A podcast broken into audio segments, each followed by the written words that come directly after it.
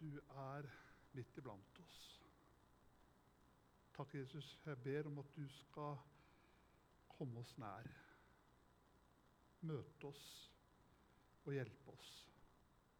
Takk vi kommer til å legge resten av denne gudstjenesten her i dine hender.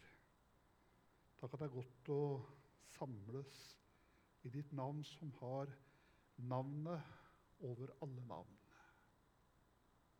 At vi ønsker å rette våre sinn og tanker mot deg nå, Jesus. I Jesu navn. Amen.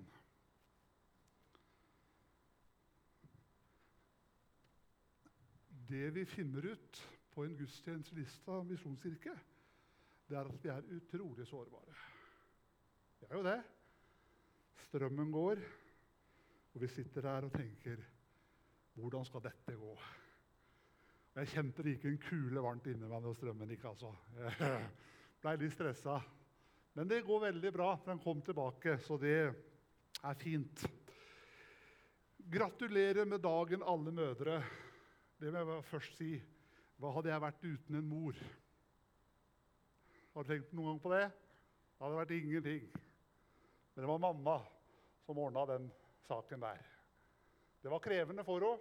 Det var det. 5750 gram veide jeg. Men hun klarte det. Så jeg takker for mor. Det er noe med dere mødre. Dere er gode å ha. Og vi ønsker å sette pris på dere og hedre dere i dag. Og så kom jeg på møte her i dag, og jeg fant ut at jeg hadde glemt det. Det er ikke bra. Så jeg må ringe mamma på vei hjem fra gudstjeneste i dag. Elin hun gjør ikke noe med, for hun er ikke min mor. Sånn er det. Det er jo fint, det. Hun har jo barn. Så det får de jo ta seg av. Men jeg vet at eh, jeg får høre det uansett. Og så merker vi at det er litt sånn low in the air. gjør vi ikke Det Det var jo date night her i går. Merka det liksom på hele lokalet at det, det var en fin kveld i går. Så det er bra.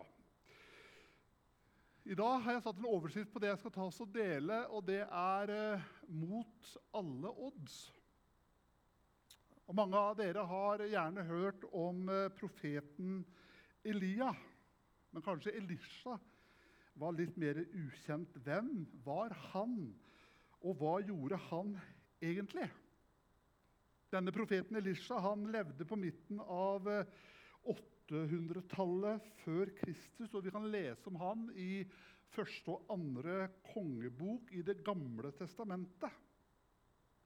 Han kom fra landsbyen Abel-Maum nær Jordan. Han var sønn av Safat og ble disippel og etterfølger av profeten Elia.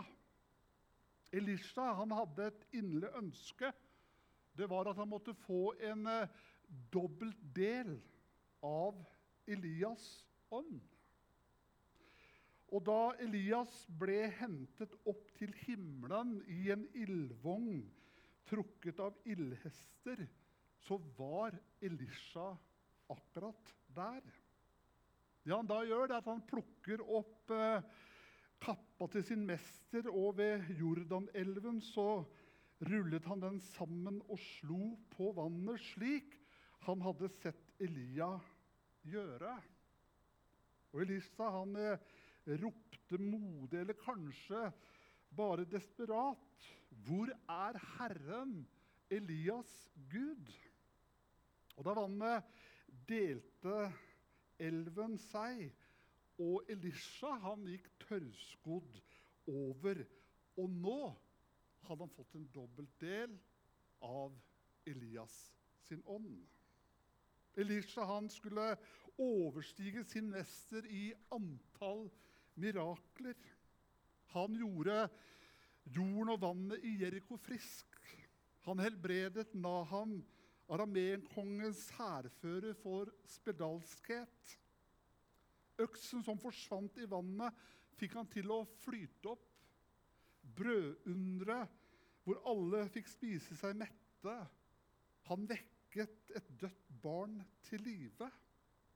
Og det var Elisa som sa de kjente ordene som har trøstet så mange mennesker.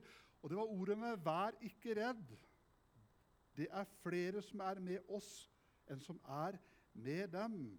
Og så ba Elisha og sa, 'Å Herre, lukk opp guttens øyne, så de kan se.' Og Herren åpnet guttens øyne, og han fikk se at fjellet var fullt av ildhester og ildvogner. Så tar dere med en tekst i dag i eh, andre kongebok, kapittel 4, og fra vers 1 skal vi ta oss og lese. En kvinne som var enke etter en av profetdisiplene, ropte en gang til Elisha.: Mannen min, som var din tjener, er død. Du vet jo at han var en mann som fryktet Herren. Men nå kommer en som han skyldte penger, og vil ta begge sønnene mine til treller. Elisa sa til henne, 'Hva kan jeg gjøre for deg?' 'Fortell meg hva du har i huset.' Hun svarte, 'Din tjenesteskvinne har ikke annet i huset enn en krukke med olje. Da sa han, 'Gå ut til alle grannene dine og spør om å låne kar.' Så mange tomme kar som du kan få tak i. Så skal du gå inn og stenge døren etter deg og sønnene dine. Hell olje oppi alle disse karene og sett dem bort når de er fulle. Kvinnen gikk fra ham, og hun stengte døren etter seg og sønnene sine. De bar karene bort til henne, og hun helte olje i dem. Da karene var fulle, sa hun til en av sønnene, 'La meg få enda et kar.' 'Det er ikke flere', svarte han. Da holdt oljen opp å renne. Hun gikk og fortalte dette til gudsmannen. Han sa, 'Gå selv oljen og betal gjelden din.' Så kan du og sønnene dine leve av det som blir igjen. Av og til så bruker vi dette ordet mot alle odds. Mot alle odds så får han muligheten til å realisere sine drømmer. Løvetannbarn de klarte seg mot alle odds. Mot alle odds så klarte han seg. Det er noe med dette mot alle odds. Og jeg tenker at Det kan være en passende overskrift på denne kvinnas opplevelser. For teksten i dag den handler om en kvinne som var dømt til å tape, men likevel vant. Ja, hvordan er det å leve uten rettigheter? Hvordan er det å være utstøtt og uønska? Oppleve seg selv som et problem i samfunnet. For oss nordmenn, med alle privilegier, slik jeg og de fleste av oss har det, er det jo nesten umulig å sette seg inn i denne situasjonen. Ja, klart at Vi kan ha våre meninger. Hvem skal vi hjelpe? Hvor mange kan vi egentlig ta imot? Og så er det også en annen ting, det er at Døden den kommer aldri beleilig. Selv om eh, vi snakker om mennesker som har vært syke lenge, som har en høy alder, så kommer ofte døden ubeleilig. Jeg har hatt mange begravelser i løpet av mange år som pastor. Og jeg vet noe om at dette er vanskelige ting. Når du mister din ektefelle, så kjennes det ut som om bunnen går ut av livet ditt. Du har delt sorger og glede med. Du har våkna opp sammen med, og den har du også krangla med. Og så er det et tomrom som er vanskelig å fylle. Du må lære deg å leve med en ny virkelighet.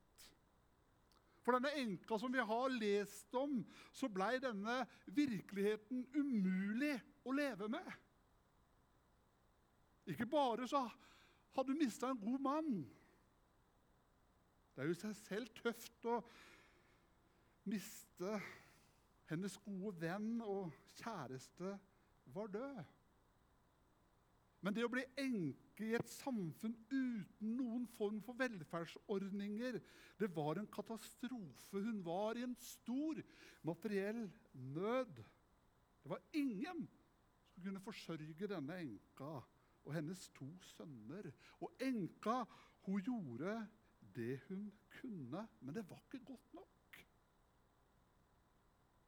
Det eneste hun hadde i huset, var jo en liten krukke med salveolje. Det var jo ikke rare hjelpen i den. Oljen kunne verke slukke tørst eller mette sultne mager. Men elendigheten hennes slutter ikke der. En dag så banker mannens kreditor på døra og krever å få det mannen skyldte.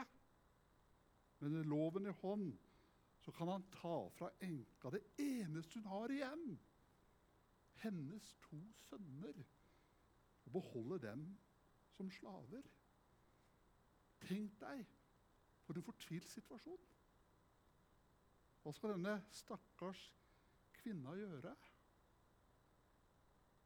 Hvordan kommer man seg ut av en sånn knipe?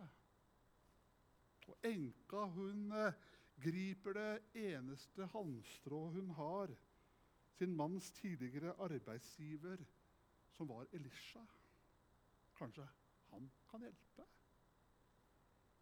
Hun hadde sikkert hørt noen fantastiske historier om han. Hun tenkte kanskje på historien i andre kongebok 2 om da profeten Elisha kom til Jeriko, en vakker by.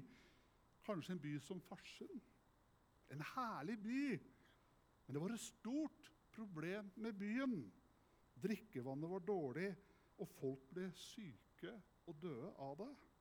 Da gikk Elisha til vannkilden, kastet salt nedi det og sa:" Så sier Herren, nå gjør jeg dette vannet friskt.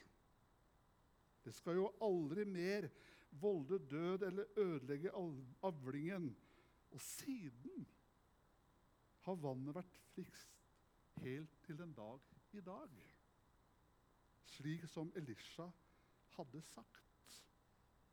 Og andre kongebok forteller at Jeriko ble kjent som palmebyen, den fruktbare byen. Jeg forstår at denne enka gikk til denne mannen og ba om hjelp. Profeten tok seg tid til å lytte lytte til enkas problem. Bare det måtte jo vært fantastisk for en kvinne i hennes situasjon å sitte der med Elisha foran seg. Er du i en håpløs situasjon, så oppleves det bare godt å få lov til å tømme ut frustrasjonen. Selv om du ikke føler deg verken som profet eller prest eller passord eller psykolog, skal du vite at det betyr mye. Bare det at du kan ta deg tid til å lytte til et menneske som har det vanskelig. Og etter å ha hørt denne enkas historie, så spør han men hva kan jeg gjøre for deg. Når jeg møter mennesker som befinner seg i håpløse situasjoner, så må jeg innrømme at jeg plages av det samme spørsmålet. Hva kan jeg gjøre? Mine ord kan ikke trøste, mine hender kan ikke hjelpe. Og profeten må bare si, 'Vet du hva, jeg beklager, men jeg har ikke penger til å betale dine kreditorer. Jeg kan ikke hjelpe deg.' Jeg synes det var spennende å lese denne boka av Tommy Barnett som heter 'Det er et under i huset'. Når Tommy Barnett som en ung predikant ble kalt til å være pastor i Davenport, en liten, kjedelig by ved Mississippi-elva Kirken han kom til, var en eh, gammel, falleferdig bygning uten historisk verdi. Han beskriver sitt møte og sitt første møte med denne kirka. Det luktet vondt. Det beste ville være om man hadde jevna hele kirka med jorda. Det var ikke plass til mer enn 100 mennesker i salen. Og for å komme dit så måtte man opp på en eh, høy mursteinstrapp. Malle, eller malingen flasset av veggene. Vinduene var knust, og ute på gårdsplassen så var det masse skrot. Tommy Barnett han ønska bare én ting. Det var å reise fra Davenport så fort som mulig. Men han følte seg bundet av at han hadde gitt Gud et løfte om å være villig til å gå dit han kaller uansett hvor det måtte være. Og vi, vi ber om Guds ledelse. Og det åpnes en død for oss. Så skal vi være forsiktige med å avskrive mulighetene. Selv om det kan virke smått og lite attraktivt. Ja, hva kan det bli av dette her, da? Hør! Jeg tror at vi noen ganger ikke opplever underet. Rett og slett fordi vi leter der hvor Gud ikke har plassert det. Ordspråket sier det sånn Det er Guds ære å skjule en sak, men kongers ære å granske en sak. Tommy Barnett sin eh, beskrivelse av sin første gudstjeneste i Davenport er festlig. Søndag morgen på gudstjeneste så kom det 76 mennesker. Det var ganske lite i en by i USA. Men i denne kirka så betraktet man det som en stor forsamling. Antageligvis så kom det en del av nysgjerrighet. De ville jo se litt på den nye predikanten, hvordan han egentlig ser ut. Møtet det bedra seg ikke førsteinntrykket. Sangen blei spilt av et ustemt, gammelt piano. Sanglederen sang ikke rent. Men det verste, sa han, det var et lite kor som sang som de opptrådde i en begravelse. Det var ikke noen festen, for å si det sånn. Forsamlingen var av samme slag. Så sier Tommy jeg bestemte meg for å refse dem kraftig. Bare for å skremme dem fra å kalle meg til denne kirka. Og så sier han jeg stirra på de 76 menneskene og de mest negative mennesker jeg noensinne hadde sett. Og så begynte jeg å hakke løs. Jeg må innrømme at hjertet var ikke helt med, skriver han. Åge Samuelsen, vet hva han sa en gang? Du må bli frelst i ansiktet. Ja, kanskje vi har noe å lære der? Å bli frelst i ansiktet. ja, jeg skal komme tilbake til Davenport, hvordan det egentlig går. Om du er her i dag og føler at ditt liv er i en sørgelig forfatning, så har jeg gode nyheter til deg. Uansett hvordan dine ytre omstendigheter er, selv om alt ser umulig ut, så finnes det håp. Du må vite hvor du skal gå når du er i vanskeligheter eller når du ikke vet hva du skal gjøre. Om du føler at du har det vanskelig, ikke sett lit til pastoren eller en lokal predikant eller profet eller noe annet menneske. Om du setter din lit til mennesker, så vil du bli skuffa før eller siden. Og så tenker vi bare når den og den predikanten kommer, så vil det skje. Vi gjør klokt i å tenke som David. Han sier i Salme 121 og vers 2 at 'min hjelp kommer fra Herren, Han som skapte himmel og jord'. Det var det som var Elisa sitt råd til kvinna. Ikke sett en lit til meg, til profeten. Men gå til kilden for alle under. Guds visdom og hans hjelp overgår alt det noe menneske kan gjøre for deg. Og det andre han sa, det var Finn ut hva du har i huset. Et problem for oss er at vi blir så opptatt av det vi ikke har, at vi ikke ser mulighetene i det vi allerede har. Tenk deg at du er enka i vår historie. Du vet at uh, skal jeg ha en sjanse med å overleve, så må jeg få meg en mann.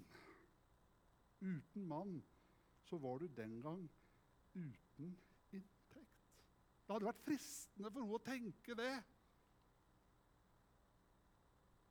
Og slik hører jeg også folk tenke i menighetslivet også. Hadde vi bare hatt penger, mer penger Hadde vi bare hatt det og det Hadde vi bare hatt flere og bedre ledere, så ville ting begynne å skje.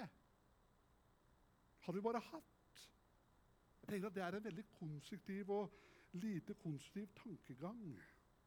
Det er en veldig dårlig tankegang å hele tiden tenke på det vi ikke har. Profeten han hjelper enka til å tenke konstruktivt, og han spør enka hva, hva har du i huset. Enka må jo innrømme at det er jo ikke så stort. Jeg har bare en liten krukke med salveolje. Altså ikke større enn denne her, da, men det er ikke stort. Det er så lite. Det var ikke rare greiene. Men det skulle vise seg til å være nok til å redde og redde hele hennes familie. Og Gud fikk velsigne det lille hun hadde. Det var jo ikke mange kriterier til karene. Han spurte ikke om det er det små eller store, tykke eller tynne. Men det de måtte være. De måtte være tomme. Måten å holde olja på som gjør olja er verdifull, det er jo olja som er hele forskjellen. Det var ikke så mye å skryte av i menigheten til Tommy Barnett heller.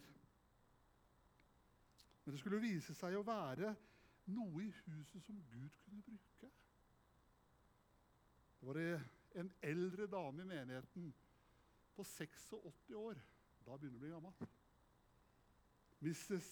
Bobby Stottelmeier het hun. Hun var nylig blitt en kristen, og hun fortalte at hun hadde hjerte for evangelisering. Hver fredag det siste halvåret så hadde hun gått rundt i byen og vitna for folk. Og nå lurte hun om pastoren hadde lyst til å bli med. Da kan du ikke si nei. Det går ikke an. Så han blei med. Neste fredag De prata med noen folk. Ingen kom til tro. Neste fredag var det en eldre mann som tok imot Jesus. Og Mrs. Stoltenmeier var så stolt over å kunne ta med den nyfrelste på gudstjenesten søndagen etter. Den gamle mannen gikk frem og vitna om det han hadde opplevd. Og den døende menigheten blei så begeistra. Neste søndag var det to nye kristne som sto på plattforma og vitna om at eh, de var kommet til tro etter å ha prata med pastoren og fru Stoltenmeier. Etter hvert så blei flere og flere med i menigheten, grepet av en iver etter å se mennesker komme til tro. Snart så fant denne menigheten ut at de trang en buss for å hente alle de nye som hadde blitt invitert med til kirka. De kjøpte først én buss, så to busser, og siden tre busser. De fylte bussene opp med folk de hadde snakka med på gata, og tok dem med på gudstjeneste. Og hundrevis av mennesker kom til tro på Jesus. Kirka ble snart for liten. De fikk et nytt bygg, og folk strømmet til fra alle kanter. Det var vekkelse i Davenport. Hva starta det med? Det starta med en eldre dame i menigheten som gjerne ville fortelle andre om sin tro. Jeg tenker at det ligger en stor hemmelighet der Gud bruker det vi har i huset. Så tenker jeg Lista misjonskirke. Vi har et bygg som er veldig fint. Vi har eh, sangere som ikke bare synger reint, men de er jo kjempegode. Vi har mange gode ledere som står på uke etter uke. Vi har mye som skjer. Vi har ildsjeler som står på for å gi barna våre et møte med Jesus. Gud, hva Gud vil i Misjonshuset? Han vil bruke det vi har i huset. Hvis det fulle potensial som ligger i dette huset, blir forløst, så vil det skje mye. Og vi har mange muligheter. La deg ikke lamme av det negative, men se det positive og se mulighetene. Profeten spør enka, 'Fortell meg, hva har du i huset?' Og hun svarte, 'Din tjenesteskvinne har ikke annet i huset enn en liten krukke med olje.' Når Elisa spør enka om hva hun har, så får han et negativt svar. Det er ikke så rare greiene jeg har, bare en liten salve og Sånn kan vi også tenke om oss sjøl og det vi har å bidra med også. Jeg har ingenting. Jeg kan ingenting, og jeg blir ingenting. Og janteloven vil innbille oss at det er sant. Og Det mest tragiske som kan skje, er at vi graver ned våre talenter. Det skremmende med det at vi en dag skal svare på hvordan vi har brukt de gaver Gud har gitt oss. Han ga oss nemlig noe for at vi skulle investere det i Guds rike. Det gjelder din tid, det gjelder dine penger, og det gjelder dine evner. Troen er ikke tro før du gjør noe. Tro krever handling. Da sa han Gå ut til alle grannene dine og be om å få låne kar, så mange tomme kar som du kan få tak i. Profeten han eh, ber enka om å gå til sine naboer og spørre om å få låne kar så mange som mulig. Hun måtte aktiviseres om hun skulle forvente et under. De fleste mennesker er sånn at vi vil at Gud skal handle på deres egne vegne. Men først må de selv handle i tro. Og jeg tenker noen ganger at Vi må ikke begrense Gud. Gud er jo stor. Det er jo han vi setter lit til. Og jeg synes I Feserbrevet kapittel 3 og vers 20-21 så står det sånn Han som virker i oss, altså i deg og meg, med sin kraft, og kan gjøre uendelig mye mer enn det vi ber om og forstår. Han være ære i Kirken og i Kristus Jesus gjennom alle slekter og i evigheter. Og her er det lov å si et lite halleluja. Det var fint. Altså Han som virker i oss, altså i hvem? Jo, i deg, i meg, med sin kraft. At han har nedlagt Den hellige ånd i våre hjerter. Halleluja. Derfor så tror jeg det kan skje mye. Ikke for at jeg er god hva jeg kan få til, men han som har tatt bolig i meg. Så la oss ikke begrense Gud. Jeg lurer på hva naboene tenkte når denne enka løpte rundt i nabolaget og lånte alle disse tomme kara og helle olje oppi. Jeg har jo, og jeg sliter med å gå til naboen og låne en kilo med sukker. Syns det er litt flaut. Men hun måtte gå overalt å finne tomme kar. Jeg tenker, Har jo gått helt fra konseptet. Ja, hun gjorde nok det. Jeg tenker, Det er jo herlig tanke I menigheten så trenger vi alle karene. De som har vært her helt fra starten av. De nye som er kommet. Unge, voksne, alle generasjoner. Vet du hva? Vi trenger alle. Og Guds velsignelse vil flyte så lenge han har kar å fylle. Jeg tenker Prinsippet for vekst i menigheten er enkelt. Så lenge folk sier 'Her er jeg, og jeg har et tomt kar'. Jeg har ikke all verden å bidra med. Men Gud, ta meg og bruk meg. Og i det øyeblikket vi ikke er villige til å stille opp til Guds disposisjon, så stanser veksten opp. Ganske enkelt fordi Gud har gjort seg avhengig av våre villige hjerter, villige hender og villige føtter. Har du tenkt det på noen gang? Venstre var en gang Norges største parti. Nå er de veldig små, men de var størst i Norge en gang. Det er et bilde på hva som kan skje. Om kirken fylles opp hver søndag, så er det flott. Jeg tenker, Vi kan ikke være fornøyd med det. Vi har jo mer plass. Om vi ikke har større drømmer enn å fylle vårt lokale, så har vi allerede satt et tak på hvor stor menigheten vår kan bli.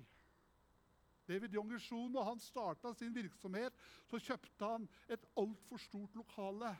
Det var lite folk hver søndag. Men det han gjorde, han ønska alltid de som var på galleriet, velkommen til gudstjeneste her i dag. Men det satt ikke et menneske der, men han så det i sin drøm. Jeg drømmer om dette lokalet fylt av mennesker som kommer. Jeg ber om at vi skal oppleve masse barnevogner. At vi skal vokse og vi skal vokse og vi skal vokse. For det finnes så mange mennesker som trenger det vi har. Hva drømmer du om? Hva tenker du på? Men du kan være med og bidra. Vi kan ikke være fornøyd den dagen vi har 100 på møte i snitt. Vi er ikke det nå. I 2023 så var vi 98,3 i snitt på våre gudstjenester. Jeg teller dere hver gang. Jeg kommer til å begynne å ringe deg hvis ikke du kommer. Nei da. Men jeg har litt oversikt. Ikke for at jeg skal telle for å telle, men det er litt interessant. Så tenker jeg, hva drømmer vi om? 150 snitt burde ikke vært umulig. Men da Ja, jeg kunne sagt mye men jeg skal prøve å la være. Men la oss ikke være fornøyd. La oss ha drømmer om at Gud kan mer. Og hva skal vi gjøre da? Jeg tenker Det handler jo hele tiden om å sette ut nye kar. Vi må ta noen skritt i tro etter hvert som olja renner. Vi må hele tida hente nye kar. Vi må vurdere hva er det vi egentlig ønsker. Og det var olje så lenge det var tomme kar. Så sa han, 'Lukk døren og steng tvilen ute'. Han sier, 'Du skal gå inn og stenge døren etter deg og sønnene dine.' Hell olje oppi alle disse karene og sett dem bort når de er fulle. Den fattige enka hadde lånt kar av nysgjerrige naboer. Og tenk om de naboene tenkte hva skal hun med alle de tomme kara? Tenk om hun hadde latt døra stå åpen. Da hadde det sikkert dukka opp nysgjerrige naboer osv. Det skal jo ikke stor fantasi til å forstå hva de ville ha sagt. Hvorfor i alle dager skulle du låne oljekar av meg når du ikke har mer olje enn det der? Har Gud gitt deg en drøm, så skal du kanskje være litt forsiktig med hvem du deler den med. For det finnes nok av umulighetstenkere her i denne verden. Og når de kommer på banen, så kan du være sikker på at visjoner og drømmer får veldig trange kår. Har Gud gitt deg en drøm, Ikke la det negative lamme deg, men følg det Gud har lagt på ditt hjerte. På samme måte som Maria gjemte de underfulle ordene gjeterne hadde sagt om Jesus i sitt hjerte, og grunna på det. På samme måte tror jeg at vi skal holde en del av de drømmene Gud har gitt oss for oss sjøl, til tiden blir moden å dele dem. Og det andre og det siste her gå videre med underet. Gå videre med underet.